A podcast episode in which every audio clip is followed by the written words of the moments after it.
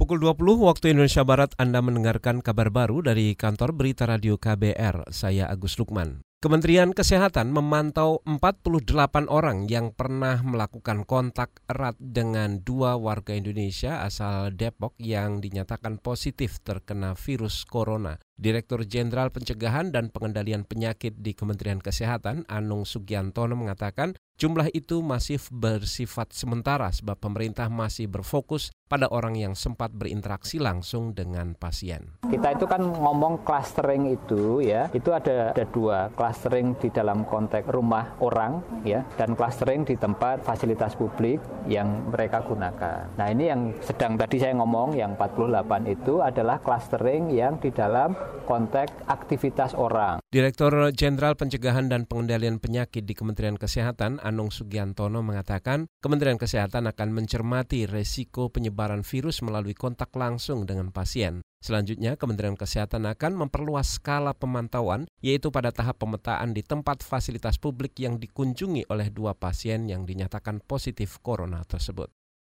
Saudara sembilan warga Kalimantan Barat diisolasi usai berlibur ke Korea Selatan pada 25 Februari lalu. Kepala Dinas Kesehatan Kalimantan Barat Harrison Azroi mengatakan mereka diperbolehkan menjalani isolasi di rumah masing-masing karena tidak mengalami gejala demam serta sesak nafas ringan. Nah, jadi kita akan menunggu hasil laboratoriumnya ya.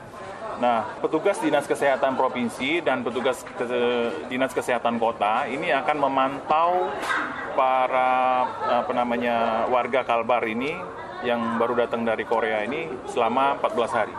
Saya eh, kami masih eh, membolehkan mereka untuk menginap di rumah dengan harapan nanti mereka mengisolasi diri di rumah masing-masing. Kepala Dinas Kesehatan Kalimantan Barat Harrison Azroi menambahkan sembilan orang itu telah melalui atau telah menjalani pemeriksaan kesehatan sekaligus pengambilan sampel darah dan lendir untuk pemeriksaan di laboratorium. Korea Selatan merupakan salah satu wilayah yang saat ini terpapar paling parah virus corona di luar Tiongkok. Ahli farmasi dari Universitas Airlangga Surabaya Mangesti Agil mengajak masyarakat kembali mengoptimalkan rempah tradisional sebagai upaya mencegah terserang virus corona. Rempah-rempah tradisional salah satunya kunyit yang memiliki antioksidan sangat baik untuk menguatkan kekebalan tubuh. Mengutip dari Antara, Mangestuti Agil menyebut rempah tradisional bertujuan untuk meningkatkan kekebalan tubuh, sementara corona menyerang seseorang yang memiliki kekebalan tubuh rendah. Selain itu, dosen farmasi Profesor Mangestuti Agil ini juga meminta masyarakat menjaga imunitas atau kekebalan tubuhnya dengan mengatur pola makan, istirahat, dan olahraga teratur. Gubernur Jawa Tengah Ganjar Pranowo mengklaim pemerintah daerah Jawa Tengah sudah menerapkan protokol kesehatan untuk mengantisipasi adanya penyebaran virus corona penyebab penyakit COVID-19.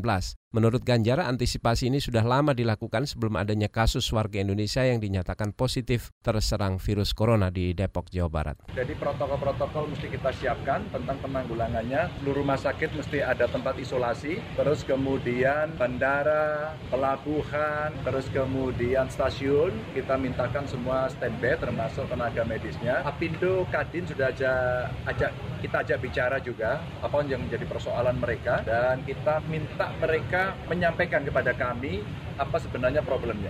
Selain menerapkan protokol kesehatan, Gubernur Jawa Tengah Ganjar Pranowo juga mengklaim telah mengantisipasi terdampaknya ekonomi akibat penyebaran penyakit COVID-19. Salah satunya dengan mencari negara pengganti pengimpor bahan baku produksi di Jawa Tengah.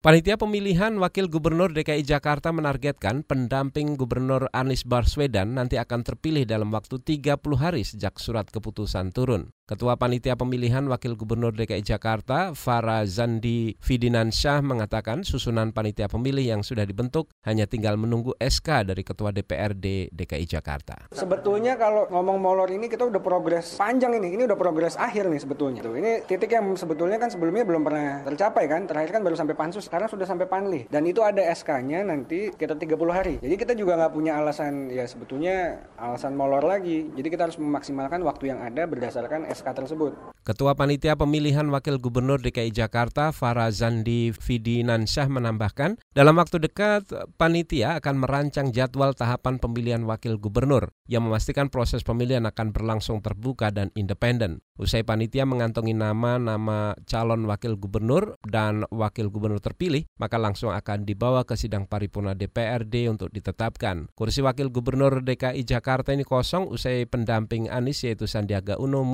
karena mengikuti pemilu presiden tahun lalu. Demikian saudara kabar baru dari KBR, saya Agus Lukman.